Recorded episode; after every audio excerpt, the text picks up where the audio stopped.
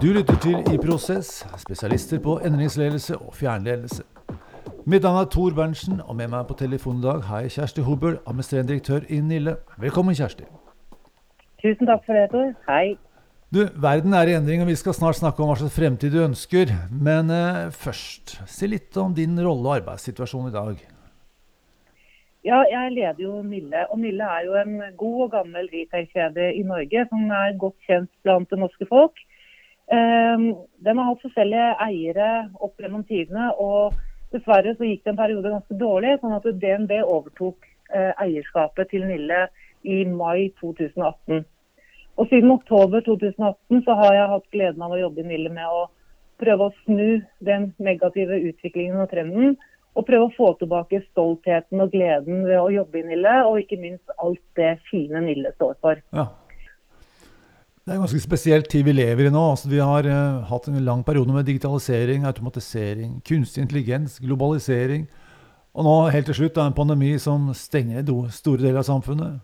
Kan du si litt om hvordan dette preger Nilles uh, situasjon? Ja, det, jeg må jo si det at Fra jeg begynte i oktober 2018, så har vi, hatt, har vi jobbet veldig hardt, veldig metodisk og veldig strukturert på å snu Nille snu ulønnsom drift til å bli lønnsom. Og Det handler jo om å ta vare på arbeidsplasser, og det handler om å opprettholde butikknettverk. Og Da har vi jobbet med kostnadsreduksjoner, vi jobber med å få lavere husleier, sånn at vi kan opprettholde butikkene. Vi jobber med å trimme mannskapet vårt, sånn at vi har eh, bemannet på en sånn måte som gjør at butikkene blir lønnsomme, og samtidig ivaretar kundene våre. Eh, og Den jobben var vi veldig godt i gang med, og 2019 ble et veldig bra år i forhold til de andre årene, altså i 2020 16, 17, 18 hvor det bare har vært stor underskudd. Ja. Så vi gledet oss og gleder oss fortsatt til å fortelle om hvor bra vi har klart å snu, og hvor fort det har gått å snu Nille. Og så kommer korona og statsministerens eh, pressekonferanse torsdag 12.3, hvor det dagen etterpå, fredag 13., er bare helt stille. Det er liksom ingen omsetning i butikkene. Og, og da var det bare å sette kriseberedskap eh, og sette seg ned og gjøre noen kjappe analyser. Hva gjør vi nå? Hvordan kan vi best ta vare på Nille nå frem, til vi, til vi ser et eller annet lite lys i den uendelig lange, mørke tunnelen? Ja. Og Det første vi gjorde analyse på da, var hvis omsetningen vår fordi altså, den, De første to-tre dagene så var det helt bom stille. Det var ikke sånn halvparten av omsetningen. For sånt. Det var 80 av omsetningen ble bare borte. Ja. Eh, og Da lagde vi en analyse på hvis 50 av omsetningen vår forsvinner i tre måneder, hva skjer da? Og vi minimumsbemanner, og vi permitterer, og vi gjør sånn og sånn og sånn. Og den Analysen viste at det ville lønne seg for oss å holde butikkene åpne. Uh, og det var den beste måten å ta vare på Mille som kjede, enn å stenge de. Så da, og Det var det første vi måtte finne ut av. Hva gjør vi? Mm. Ok, Så holder vi de åpne. Så gikk vi i kontakt eh, og dialog da særlig med Thon, som har jo 80% av alle kjøpesentre i Norge, for å få dem til å redusere åpningstidene. og Det er ganske så kjapt. Så, fordi det er, Når det ikke finnes mennesker på kjøpesenter, så er det i hvert fall hvis det er meningsløst i utgangspunktet å ha åpent, så er det i hvert fall meningsløst å ha åpent til ni om kvelden. Eh, så da fikk vi de med på, sammen med mange andre aktører selvfølgelig, å redusere åpningstidene fra ti til seks. Det betyr at du kan minimumsbemanne butikkene og ha bare ett årsverk i butikken hver dag. Ja. Og Det er en tøff situasjon for de som jobber i butikkene. Og, og det må jeg virkelig si at den eh, dedikasjonen og, og den innsatsen de butikkansatte, hovedsakelig butikklederne våre, som da sto der hele dagen eh, i butikk og møtte kundene, det, det, er helt fantastisk. Og Det er klart at det har vært med på å hjelpe oss veldig gjennom den stormen som har vært nå. Ja. Og dessverre, da, som en følge av den stoppen i omsetning eh, og den lavere taksten som har vært etter at korona og nedstengingen av Norge ble til, så har vi jo måttet gå til det steg å permittere veldig mange ansatte i Nille. Og det i alle ledd. I butikk, på logistikken på lageret vårt og på det sentrale servicekontoret. Og Det har vært helt nødvendig for å klare å komme oss igjennom. Ja. Når du ser fremover altså her, Jeg må bare kommentere det først, for det er jo en krise. Dette er, er nok en personlig krise vil jeg anta for alle ansatte også. fordi at eh, noen bransjer så er det jo sånn du kan ha en relativt eh, kort periode før du kan forvente å få ny jobb igjen. Men i retail så er vel eh, utdanningsnivået noe lavere. Og hvis hele bransjen i retail treffes, så er det ikke sikkert at man får så lett jobb igjen, selv om man har masse erfaring. Um, Nei, og det er jo det er derfor jeg sier det er så viktig at Nille består. Ja. Fordi Nille er jo en arbeidsplass i veldig mange små steder i Norge hvor det ikke er så veldig mange arbeidsplasser fra før av. Ja. Det er ikke så lett å, å, å, få en ny jobb. Og det er heller ikke kanskje så lett å få en deltidsjobb eh, hvor, den, hvor, kravet til formalkompetansen ikke er så stor. Eh, så, så jeg ser på det som et stort ansvar at vi klarer å holde Nill i gang. Og ja. heldigvis, si det, heldigvis de tiltakene vi satte inn, som var beintøffe uh, og ikke ønskelig å gjøre, selvfølgelig, men helt nødvendig. Vi har vist at vi klarer å stå igjennom og kommer oss igjennom uh, denne krisen uten at det slår beina under Nille. Og Det har vært det viktigste nå. Uh, og Det vi også ser, er jo at det norske folk omfavner jo Nille også. Fordi Nille er jo en, et en butikk som eh, også er, feirer de store høytidene og de store sesongene som er. Så når koronaen kom, så var det rett før påske. Og fordi ingen i Norge fikk lov å dra på hytta eller gjøre så veldig mye annet så, så skulle vi i hvert fall pynte og kose oss hjemme. Og, og, og i Nille så satser vi jo på de små og store øyeblikkene i livet til folk. Så da handlet folk eh, pynt og påskeharer og kaniner og Eh, alt som var på Nille, og heldigvis og takk og lov for det. Ja. Og så tenker jeg at nå når vi ikke får lov å dra noe særlig utenlands, da, eh, og, og, skal feire sommeren i Norge, som er et fantastisk land å feire i, så har Nille også masse fine ting. Og leker og brannhåndklær og alt du trenger til sommerens små og store aktiviteter. Så Da håper jeg det norske folk også finner veien til Nille i løpet av sommeren. Og pynter og koser seg både på hjem og hytte og når de skal ut og gå på tur og finne på morsomme ting. Så, og Da tror jeg også at, be, at kjeden beviser sin legitimitet. Da, at man har livets rett fremover. Kriser og krevende situasjoner det kan jo få oss til å stoppe opp og tenke de store tanker som hvorfor gjør vi dette, og hva vil vi egentlig? Hva slags framtid er det vi ønsker å skape? Eh, kan du si litt om hva slags framtid du ønsker å skape for deg og Nille om, om ti år? La oss gå langt fram. Eh, du kan ombestemme deg i morgen hvis du ønsker det ja, Ti år er jo fryktelig langt fram, samtidig som tiden går veldig veldig fort.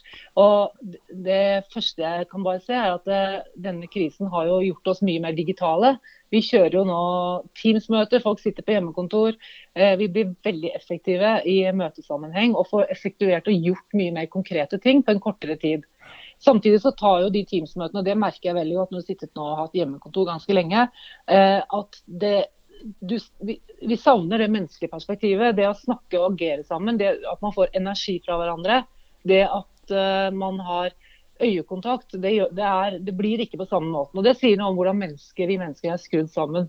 Vi liker å være sammen med andre mennesker. Vi vil helst få en tilbakemelding, positiv eller negativ, på det vi sier og det vi gjør. Så det er noen dimensjoner rundt det digitale som, som blir borte. Og samtidig, sånn ut ifra et pers personlig perspektiv, da, så tenker jeg at kanskje folk har blitt enda mer bevisste på de nære ting, de små ting, som de kanskje ikke har tenkt så mye på før. Hva som egentlig betyr noe for oss. Eh, og Jeg bor jo i Ytre Enebakk og, og, på en gård der og kan gå rett ut i skogen. og Der har jeg stort sett vandra rundt i 30 år uten å møte så veldig mange. Men nå er jo skogen full av mennesker, og det er helt fantastisk. Og så tenker jeg kanskje vi blir mer eh, At vi prioriterer tiden vår på en annen måte, og at vi er litt mindre på å gå på et kjøpesenter. Men vi drar på kjøpesenter når vi har ting vi skal ha gjort. Men at vi kanskje eh, begynner å verdsette litt og sette av tid til da, litt andre ting også. Ja.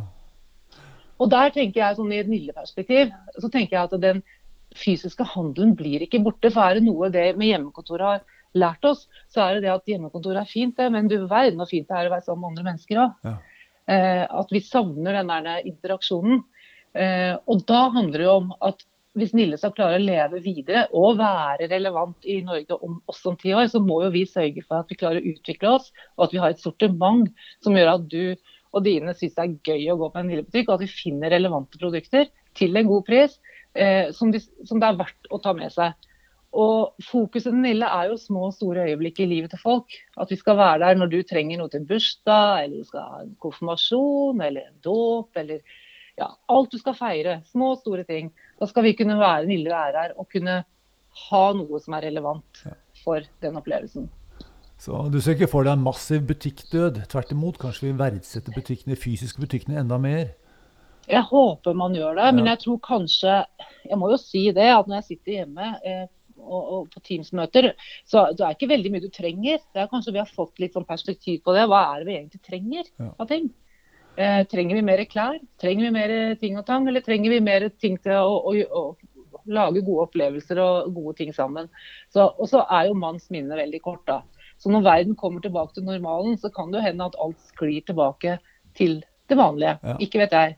Det er vanskelig å si. Ja, det det. Men jeg tenker at det, det, er ingen retailere som er fredet, og det er ingen retailere som med hånden på hjertet kan si at vi kommer til å seile inn i solnedgangen og ikke være berørt av noen ting. Men vi ser jo det at særlig hus og hjem eh, går veldig bra. At dette med at folk er hjemme mye nå, har hjemmekontor, pusser opp, rydder. De nære tingene går veldig bra. Møbler går bra. Bil går ikke bra. ikke sant? Altså, mm. det, det, det, og klær har jo fått seg, har det jo fryktelig tøft.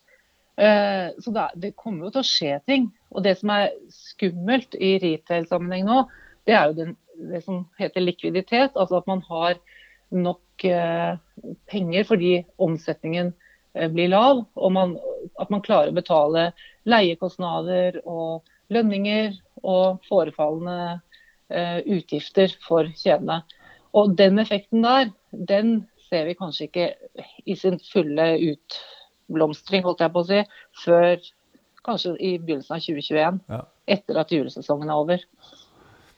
Hvis vi snakker litt mer om den framtiden som du ønsker, ikke nødvendigvis tror, eh, om fem-ti år. Eh, ser du for deg, eller ønsker du, en mer sånn sosial og opplevelsesbasert eh, handel? Er det noe, noe sånt du ser for deg? Ja, ja, jeg tror Eh, det har vært en diskusjon. ikke sant? Jeg husker når, når Coop nå lanserte at de skulle ha mer eh, eh At du skanner varene selv, og uh, ikke sitter og går forbi en kasse hvor en kasserer sitter, men at du går rundt og skanner varene selv. Og Da var det en del som reagerte med at nå skal vi aldri mer handle på Coop, fordi nå dette her var en måte å skvise ut folk på og være enda mer effektiv og tjene mer penger, og her må jeg gjøre alt selv. Og så tenker jeg, det her det å digitalisere og effektivisere på den måten der, det gir jo bare mange nye muligheter. For hvis da uh, dagligvarehandelen kjenner sin plass, så ville jo heller bemanne kanskje fysiske punkter hvor de står og, og, kanskje kan gi deg gode råd om middager, om uh, Ja, ikke sant. Altså det hjelper deg som kunde i butikken på en annen måte, sånn at handleopplevelsen blir en annen. Ja. Um, Sånn at Det er jo mange muligheter, istedenfor å bare se på det som en fare for at det skal bli færre ansatte i dagligvare, for at man skal effektivisere og at jeg som kunde nå må jeg gjøre alt selv. Så tenker jeg, Det kan hende dagligvaren kan bruke det de sparer på den posten, og ha folk som fysisk står og piper varene dine. Eh, så kan det jo hende at de kan bruke disse menneskene og, og den kostnaden som det er, på å gjøre butikkene enda mer tilgjengelige Kanskje på å ha et bedre varesortiment. Kanskje ha et varesortiment hvor ikke alle varetypene har like stor omløpshastighet eller dekningsgrad, men er viktig for å gjøre en bedre handleopplevelse. Og hvis, og hvis du f.eks. Eh, drar til utlandet på mye dagligvarebutikker, så har jo vi et ganske snevert sortiment i mange butikker i Norge kontra hva du finner i utlandet. Så det kan være, altså jeg tenker enhver utvikling gir muligheter. Ja. Og det er det vi må se på. Ikke se på begrensningene, men mulighetene. Og For meg så er det helt utopi at folk bare sitter hjemme og trykker enter, og at det er handleopplevelsen vi vil ha for fremtiden. Men for at de unge som er, som er veldig mye mer digitale og vant til å handle og få det levert på døra, skal gidde å oppsøke butikker, så er det kanskje ikke for å gå og kjøpe og finne den skjorta i den størrelsen, men for å få en inspirasjon til hva de kan kjøpe. Og Så kan det godt hende at de varene leveres hjem på døra, men du går og får inspirasjon. Og der tror jeg vi har et stykke jobb å gjøre. Ja, Der tror jeg du har helt rett i. For hvis, hvis den fysiske handleopplevelsen kun er effektiv logistikk, så kan du like gjerne gjøre det online. Det må være en opplevelse i tillegg. Ja, jeg tenker det. Ja, det, det være det. Veldig spennende å se, det, se hvordan det blir, da, for å si det sånn. Hvilke ja. muligheter som ligger der. I fremtidsscenarioet har vi jo fått sett litt på hvordan si, denne hjemmekontorvarianten preger arbeidslivet. Hvis du ser langt fram en gang til, fem-ti år, eh, ser du for deg at samspillet mellom ledere og medarbeidere eller arbeidsformer blir veldig annerledes enn det er i dag? Ja, jeg håper det fortsetter å utvikle seg. Jeg opplever en utrolig dedikasjon og en utrolig eh, evne og vilje til å ta ansvar eh, og til å ta beslutninger eh, når man først står midt oppi en sånn krise. Eh, at ikke folk sitter og venter på å få beskjed, men at de selv gjør tiltak, kommer med forslag, er proaktive. Og jeg tror det skillet mellom hvem som er sjef og ikke sjef, blir vi er jo veldig, I Norge så er jo vi veldig lite formelle. og vi har jo jeg syns vi har i Norge en god dialog, og at det er høyt under taket. Jeg håper i hvert fall at det er i de fleste bedrifter. Og at man kan si hva man vil uten at man blir uglesett for det. Eh, man er, for Går du til Sverige, så er man mye mer formelle. Der er det mer konsensus og mer formelt. Men jeg tror i Norge at dette her kanskje medfører at det skillet mellom hvem som er leder eller ikke, ikke er så viktig i det daglige det, det, kan være viktig i hvem som skal stå der og ta et ansvar og, og peke retningene og lede den strategiske utviklingen. Men det at folk føler at de har en trygghet i arbeidsforholdet sitt til å kunne ta ansvar og kunne ta beslutninger og si at dette gjorde jeg, for dette mente jeg var til det beste akkurat nå. Mm. Ja, det ble feil, men dette, jeg, det var gjort ut av god mening. Og det å få folk til å komme dit, fortsette å komme dit, også etter at dette har eh, på en måte landet og kanskje verden normaliserer seg til en eller annen normal form, da, så håper jeg det. fordi det, det blir så mye mer meningsfullt jobbmessig òg. Hvis du føler at du kan spille en rolle og ta en beslutning ut ifra det ansvarsområdet du har.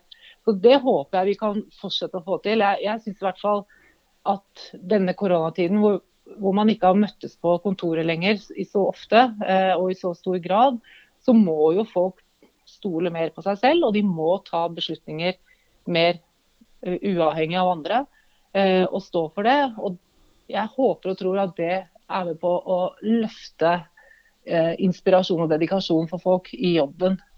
Fordi det trenger man. Fordi man sitter jo mye mer for seg selv. Ja, Så det er medarbeidere som tar et enda sterkere ansvar for å lede seg selv og utvikle virksomheten videre? Ja, og det er klart at det stiller nye utfordringer til den enkelte som leder. For det å lede folk ved ikke å se det, men å lede gjennom, eh, gjennom digitale medier, og lede gjennom å veilede på en annen måte, det kan være mer krevende som leder. Eh, og det blir, en, en, det blir, jo en annen form for interaksjon mellom mennesker. Ja, klart det. Så lederjobben vil alltid være utfordrende uansett. Eh, hva, hva, gjør du for å sikre at du fortsetter å vokse og utvikle deg selv som leder? Jeg prøver å være veldig åpen til sinns og innse at uh, jo yngre mennesker du er i kontakt med, jo mer uh, og jo bedre og spe mer spennende innfallsvinkler og måter å se ting på kan de ha. For det er så veldig lett å gå seg fast i at det der har vi jo prøvd. Eller altså, min erfaring tilsier at det ikke funker. Du må, du må være veldig sånn åpen for at uh, det andre kommer med er utrolig spennende og uh, kan tilføre mange nye aspekter som du ikke selv klarer kanskje å se med en gang. Så sier jeg ikke at det alltid er like lett, men uh, jeg tror det jeg tror, La meg si det sånn, da. Hadde jeg vært 20 år yngre, så tror jeg kanskje at jeg ikke hadde sovet en eneste natt gjennom denne koronakrisen. Uh, for det har vært virkelig nerve, pirrende. Eh, men når du har fått noen flere år på baken, og du har vært gjennom noen sånne vinternetter før, så klarer du å plassere det på en annen måte. Men da er det desto viktigere at de nye ideene og impulsene som folk kan komme med når du står midt oppi en krise, at du klarer å se at det, det, var, for, det, var, det var spennende. Det er en fin måte å gjøre ting på. Det trenger vi nå. Så det er krevende. Ja. Og det er eh, eh, gjør seg ikke selv, for å si det sånn. Ja, men Det er godt at, at si, lang erfaring fortsatt er nyttig. Det er godt å høre. Um, jeg må jo bare snakke for min, min egen syke mor. jo, jo, det er klart det. Men uh, det er jo det er viktig at vi trenger alle i arbeidslivet. Det er det, og når folk lever lenger, så må vi også holde dem lenger i arbeidslivet. og ha viktige oppgaver. Ja, Så er det viktig å tørre å satse på unge mennesker som har riktige verdier og, og som vil noe. Ja. Det er superviktig å gi de muligheten. Det er Den eneste måten å lære på er å hoppe uti det og få ansvar. Og for de som ønsker å ta det ansvaret og gjøre ting, så er det eh, veldig det, det, har jeg veldig god erfaring med. Ja. Ledelse er litt risikosport, skjønner jeg. Ja, det er det vel. Du, Vikingene mente at et godt ettermæle var det viktigste av alt. Man skulle utføre minneverdige bedrifter i løpet av karrieren. Hvilket, eh, hvilke minneverdige bedrifter eller ettermæle vil du skal følge ditt lederskap? Har du noen, ønsker der? Altså, jeg håper jo at man Jeg håper jo at den jobben som Eller den, hva skal jeg si, den eh, dedikasjonen og um, det som legges ned, eh, står, står, igjen i form av at jeg er opptatt av at folk skal trives. Jeg er opptatt av at, å skape en god kultur. For en god, bærekraftig kultur i et selskap, det er veldig mye mer verdt enn en strategi som kanskje ikke lever mer enn et par år. Det at mm. folk trives, det at folk kan stole på hverandre, det at du som leder alltid er ærlig. Og det er tøft å være ærlig. fordi det, man vet jo det. Det er jo ikke å ha gi tilbakemeldinger som ikke, kanskje ikke alltid er positive. og Det å fortelle folk at dette her går ikke, det er ikke enkelt. Det å stå og fortelle folk at eh, denne, nå har vi nesten konkurs, så nå må vi gjøre sånn og sånn. Men hvis ikke du er ærlig, hvis, ikke du, som, hvis du skal lede mennesker og de ikke kan stole på at det du sier alltid stemmer, så, så, går det ikke over tid. I hvert fall ikke når du står i en endringsprosess og en snuoperasjon. Så jeg håper jo at mitt ettermæle er at jeg kanskje blir oppfattet som både streng og krevende, men at jeg alltid har vært ærlig og stått for de verdiene som jeg mener selskapet skal stå for. Det syns jeg er viktig. Ja. Kjersti, da sier jeg tusen takk for samtalen. I like måte. I Prosess har spesialisert seg på fjernledelse og lederkommunikasjon. Vi tilbyr online lederprogram og korte online minikurs som bevisstgjør ledere i de viktigste prinsippene for fjernledelse og kommunikasjon i videomøte. Målet er superledelse å hjelpe medarbeiderne til å lede seg selv. Du finner mer informasjon på iprosess.no. slash lederprogram.